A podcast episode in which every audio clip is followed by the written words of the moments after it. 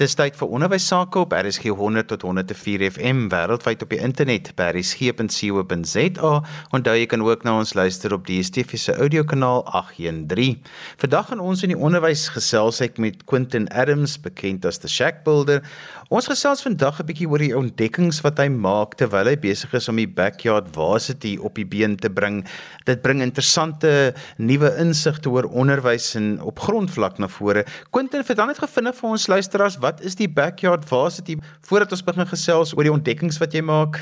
Ja, baie dankie Johan en baie dankie luisteraars. Ehm um, uh van die luisteraars wat nie weet nie, ek het so uh, 20 jaar gelede begin werk in informele nedersettings en waar ek uh, voorsiening en hulpverlening doen aan families en kinders en ouers in hierdie gemeenskappe. 2017 het ons begin na die groot storm in die Kaap met uh om fisiese nuwe strukture of, of soos ons nou sê shack building te doen. En uh so begin verlede jaar het ons uitgevind dat ehm um, ons wil dit 'n stapie verder neem en ek het vir jong mense gevra of hulle nie my wil help nie en ons het 'n informele struktuur gebou in die agterplaas of in die backyard soos ons op die Kaap praat of in die Kaap op die Kaapse vlakte praat. En ehm um, terwyl ons besig was het ek het gevind dat hierdie jong mense het groot uitdagings in terme van hoe om te kap om te meet. En ehm um, toe vra ek hulle of ek nie hulle kan oplei nie hoe om die die shack bouery te doen nie. En toe bel 'n vriend my en toe sê vir my ek is besig met die backyard varsity en dit dis hoe die konsep begin het. En uh, sedertdien uh, lei ons nou jong mense op om in informele nedersettings uh, te werk en ook om te bou en ons gee hulle praktiese bouvaardighede. Die interessante gedeelte van hierdie backyard varsity is dat ons werk hoofsaaklik met jong mense wat die skool vroeg verlaat het. Meeste van hulle, ek wil amper sê 95% van die jong mense wat ons in wat ons inneem in hierdie program is 'n is 'n maandprogram. Ehm um, het uitdagings en ons moes baie aanpassings maak in terme van die kurrikulum, hoe ons die materiaal aanbied. Um want hulle het baie interessante uitdagings ten opsigte van leer en en en die manier hoe hulle inligting prosesseer. So Quentin, daai ontdekkings deel bietjie vir ons van daai insigte want dit is vir my nogal interessant want dit is eintlik van toepassing op alle onderwys. Ja Johan, ek dink ehm um, aan die een kant is ek uh, baie opgewonde die feit dat ek onderleg is in opvoedkundige sielkunde jare gelede toe ek voltyds nog aan die Universiteit van Stellenbosch ehm um, doseer het, het uh, professor Brink een van die vorige rektore na ons fakulteit toe gekom. En ehm um, die fakulteit het uh, die personeel aan aan hom bekend gestel en hy het die volgende stelling gemaak. En ek sal dit nooit vergeet nie hy het gesê ons moet transdissiplinêr of interdissiplinêr begin te werk en hy het gesê dat die die probleme wat onderwys het mag ons vind by ingenieurswese en die probleme wat ingenieurswese het mag die teologie moontlik oplos. En dit is die voordeel wat ek het in hierdie projek om om na die bouproses en die ontwikkelingsproses ook vanuit 'n opvoedkundige sielkundige perspektief te kan kyk. En ehm um, dit help vir ons in terme van die van die van die strukturele uitdagings om te sien dat daar 'n beperkte spasie wat jy het die impak van die reuk op die kinders se tye ehm um, die impak van nie bed het nie op hulle slaaploosheid en ehm um, die feit dat baie kinders word gediagnoseer met ADHD maar dan is dit nie ADHD nie dan is dit posttraumatiese stresversteuring as gevolg van hierdie ervarings wat hulle het. So wanneer ons met hierdie jong mense werk dan kyk ek ook van 'n opvoedkundige perspektief na onder andere hulle eie persoonlike uitdagings en ons moet onthou baie van hierdie jong mense daar sommige mense wat sê tussen 50 en 60% van jong mense wat graad 1 begin voltooi nie graad 12 nie. So ons sit met hierdie duisende jong mense wat die skool vroeg verlaat het as gevolg van verskillende faktore, sosio-ekonomiese faktore, die ehm um, Witskrif 6 praat van barriers to learning, struikelblokke van leer. En ek dink een van die grootste struikelblokke wat ons sien op hierdie stadium is dat ons het 'n baie groot populasie van kinders wat kom na ons toe, het is leerders met spesiale onderwysbehoeftes. So ons kan nie die normale pedagogiek en didaktiese manier gebruik wat in skole gebruik word nie want dit is reeds um, as gevolg van kurrikulum en en die kurrikulumaanbieding en die massa inligting wat van hierdie leerders nie kan assimileer en mee kan omgaan nie wat hulle ook die skool verlaat het. Dit is nie net die sosio-ekonomiese faktore nie.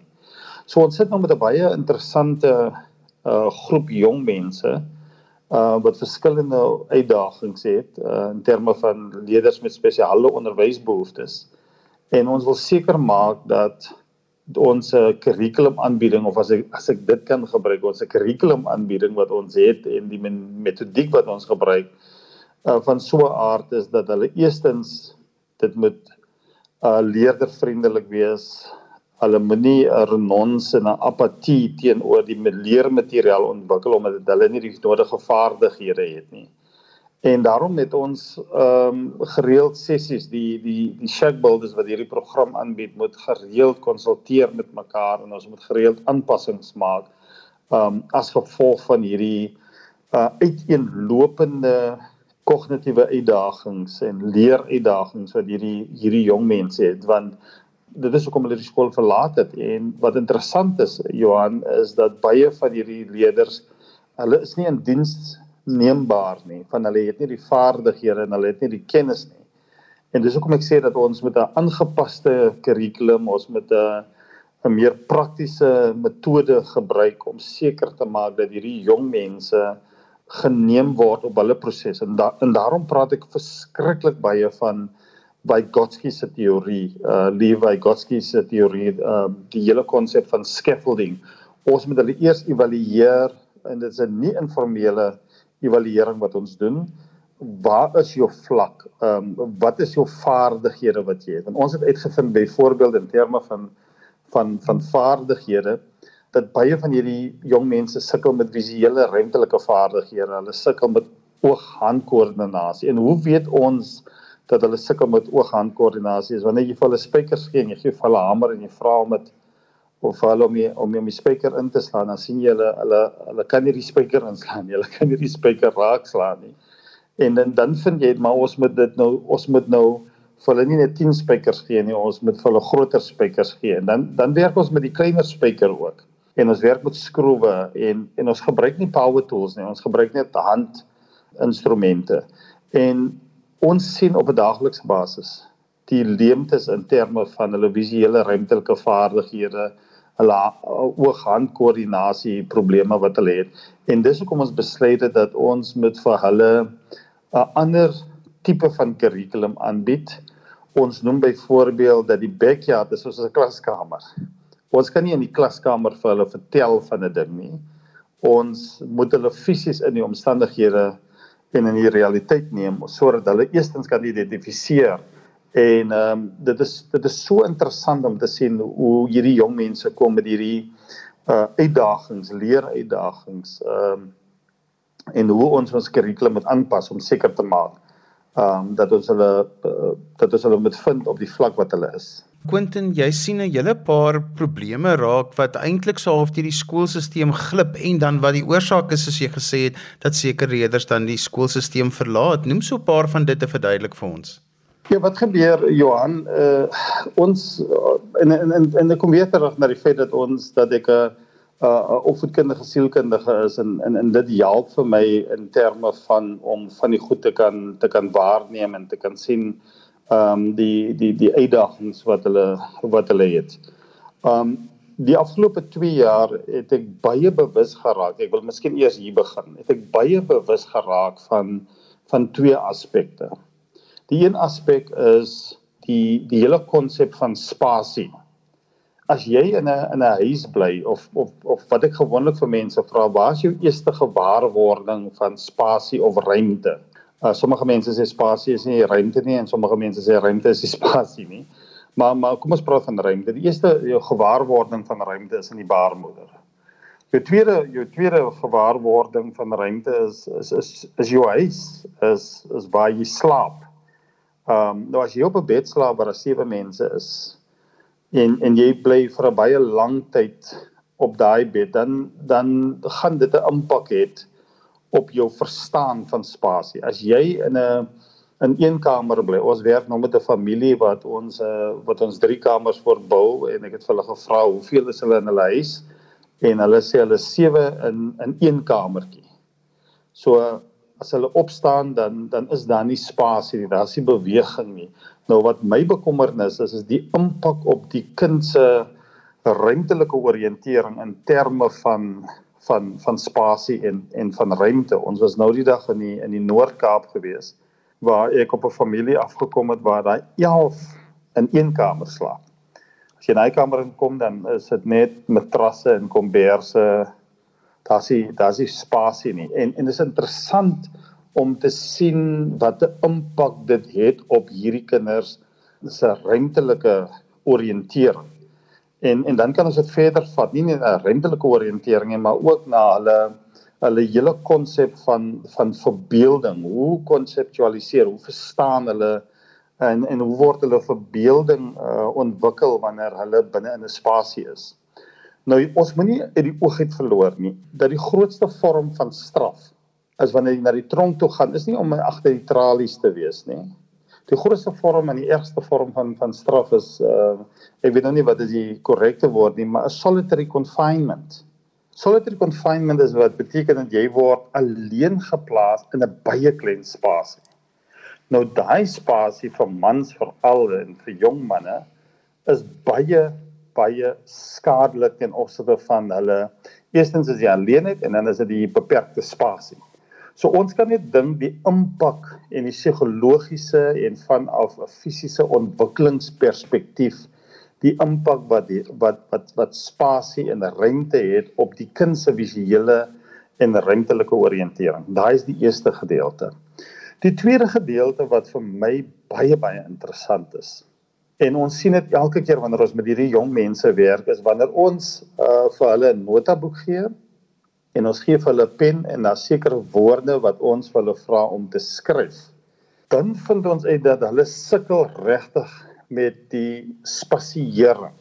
En en ek het opgetel dat baie van hulle sukkel om woorde te skryf. Van hulle skryf simbole daar neer. Hulle maak sekere figure. Ek het so 'n lys van woorde wat gebeur. Jy kan nie lees wat daar wat daar staan nie. En dit is wat uh dysgrafia eintlik beteken waar jong mense sukkel met die visuele spasiering en om om daai woord wat hulle daar hoor uh neer te kan skryf. En en dit sê vir my dat wanneer ons hierna kyk, dan moet ons dit verstaan in terme van van van hoe frekwensie en syne van die satelliete af na die na die dish toe gaan en van die dish na die deko na die dekodeerder toe gaan by die televisie van die van die doel van die dekodeerder is regtig om daai sein oor te skakel in twee dinge en dit is om dit oor te skakel in eerstens in in in in beeld en tweedens om oor te skakel in klank.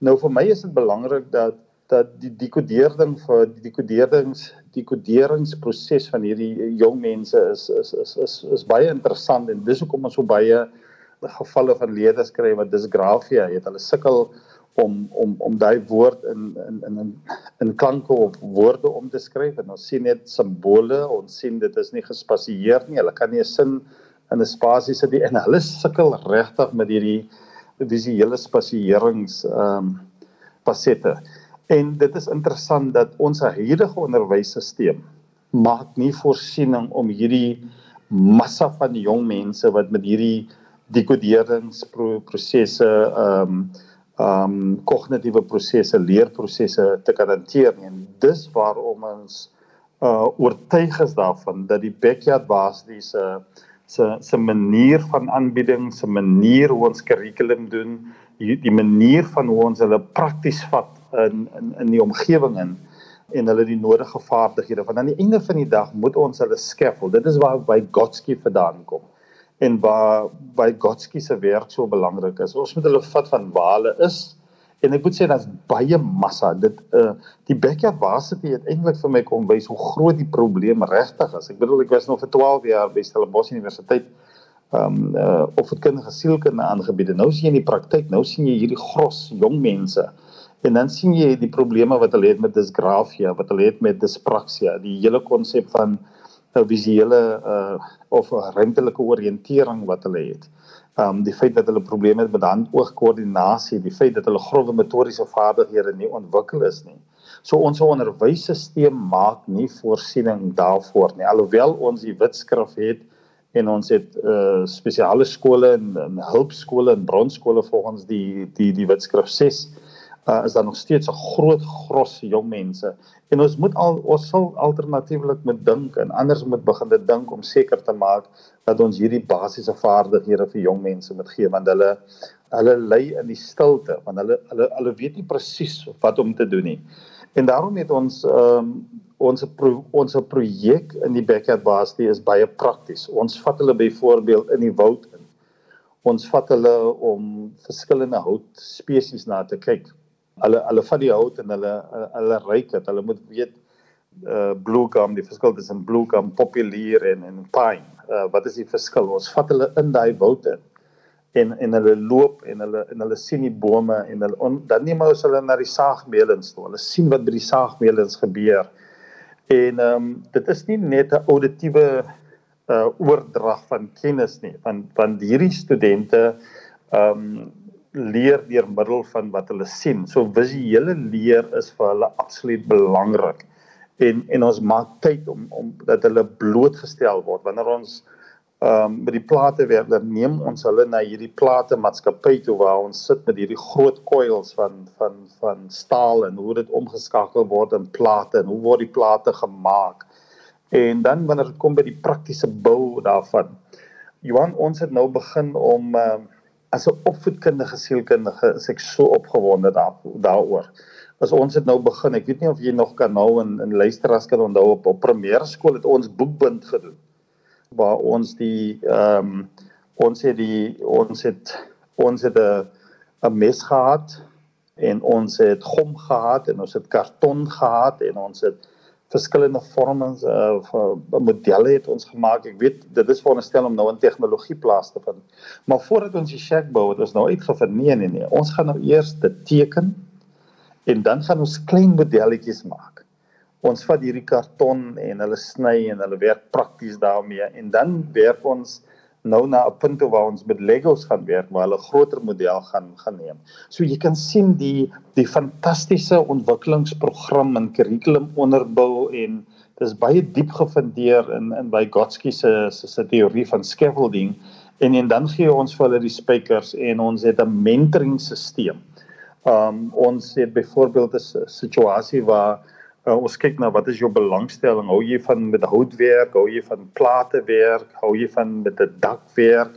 Ehm um, is jy hou jy meer van met die sement of die konkrete werk? Of of as jy daar uh, jy belangstel in, in dokumenteer om dit te dokumenteer deur middel van fotografie.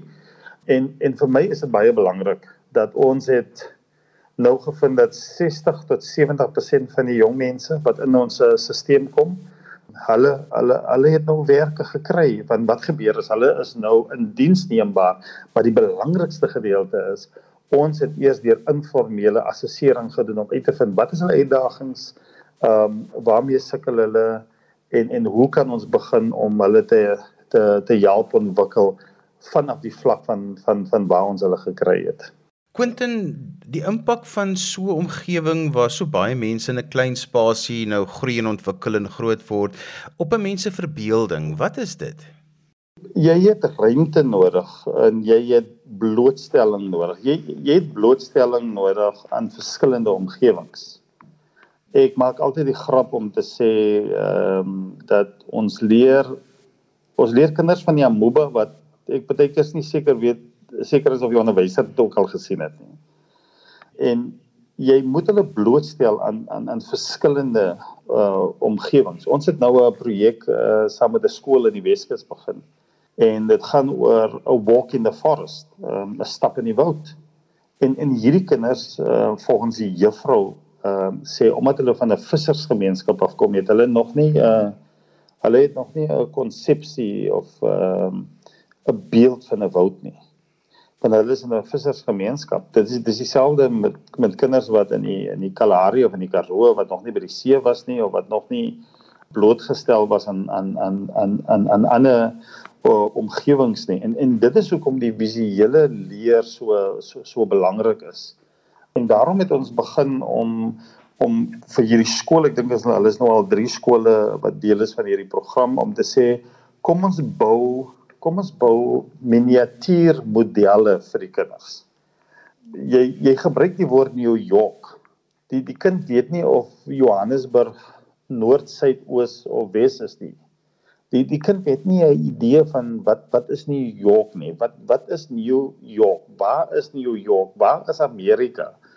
En en daarom is dit vir my belangrik dat ons ek was ek was 1 jaar, ek dink dit was 2002 was ek by 'n plek in Holland gewees met die naam van Madurodam. Madurodam is 'n is 'n is 'n miniatuur voorstelling van van van hoe Holland of hoe Nederland lyk. As jy in 'n in Madurodam instap dan is al die geboue is omtrent seker so 500 ja, se halwe meter uh hoog jy jy kan jy kan jou jy kan jou baie goed posisioneer. Jy kry 'n 'n groter ruimtelike oorsig. In die noorde is dit Groningen, in die in die suide is dit Maastricht. Hier is Schiphol lughawe, daar is Amsterdam, uh, daar is Utrecht.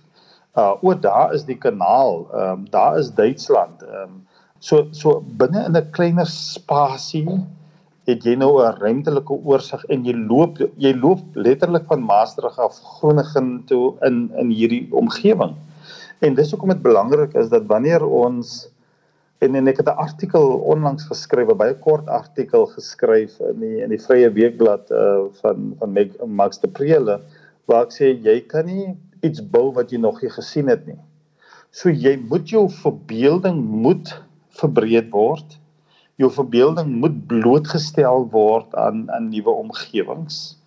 En daarom is dit belangrik dat ons 'n manier van metodiek en pedagogiek en is dat ons moet meer fokus op visuele praktiese goed wat sigbaar is sodat die kind se horison en sy verbeelding verbreed kan word. Maar in die afwesigheid van van van hierdie blootstelling gaan dit baie baie moeilik wees vir die vir die vir die kinders. Um ek het ek het by drie skole in die afgelope 3 jaar het ek hierdie oefening gedoen. Maak jou oë toe, wat sien jy? En baie van die kinders het vir my gesê hulle sien niks nie meneer. Sommige het gesê uh dis donker. En ek het met hierdie kinders gesels wat gesê het dit is donker. Jy kon sien hulle is in 'n depressiewe angs uh, toestande. Ehm um, daar was 'n dorp waar baie selfmoordpogings onder jong mense of, of, of jong kinders was. Maar wat vir my interessant was is dat wanneer ek vir hulle vra ehm wat maar toe jy oor wat sien jy dan vind jy uit die verbeeldings die of die verbeelding van hierdie kinders of die verbeelding rykheid van hierdie kinders word nie regtig ontwikkel nie. En daarom moet ons krities uh, kyk na die manier van hoe ons dinge oordra as jy daar so sit, ek het uh, nou onlangs uh, met 'n uh, primêre skoolkinders gevra, waar sit jou niere? En Johan, ek moet sê dat ek het die wonderlikste plekke gesien waar die jong mense by my wys waar hulle niere sit. Eerstens, um, hulle het geweet wat is 'n nier nie. Hulle het maar gehoor die juffrou sê uh, hulle het niere, maar hulle weet nie wat is die nier nie. Hulle weet nie wat is die funksie van die niere nie. Ek het nou in Holland het ek gesien waar hulle, ek dink was in Holland ja, waar hulle nou 'n fisiese gebou gemaak het van die menslike anatomie en die kinders het in die in die gebou geloop om te sê okay hier is die hart, hier is die niere, hier is dit, hier is die longe en hulle gaan fisies in die longe en hulle sien wat daar gebeur. En dis hoekom ek dink dat ons moet veral met die groot uitdagings waar kinders nie blootgestel word nie. Ons werk in informele nedersettings vir die kinders hier in die Kaap nog nie in Belwel was nie. Hulle was nog nie in uh, Tafelberg nie. Hulle was nog nie by die see gewees nie. So jy kan nie jy kan nie van daai kinders verwag dat hulle met hulle self verbeel as daar nie inhoud is nie. En ek dink ons is verantwoordelik om daai inhoud te gee sodat hulle hulle verbeelding kan kan kan verbeter. Quentin, as mense met jou verder wil gesels veral oor die shacks wat jy bou, maar ook die backyard varsity, hoe kan hulle met jou kontak maak? Johan, hulle hulle kan vir my per selfoonnommer, hulle kan my per selfoon kan hulle kontak, hulle kan my selfoonnommer kry uh verkieslik as hulle vir my 'n WhatsApp kan stuur eerste en net verduidelik waaroor hulle wil gesels.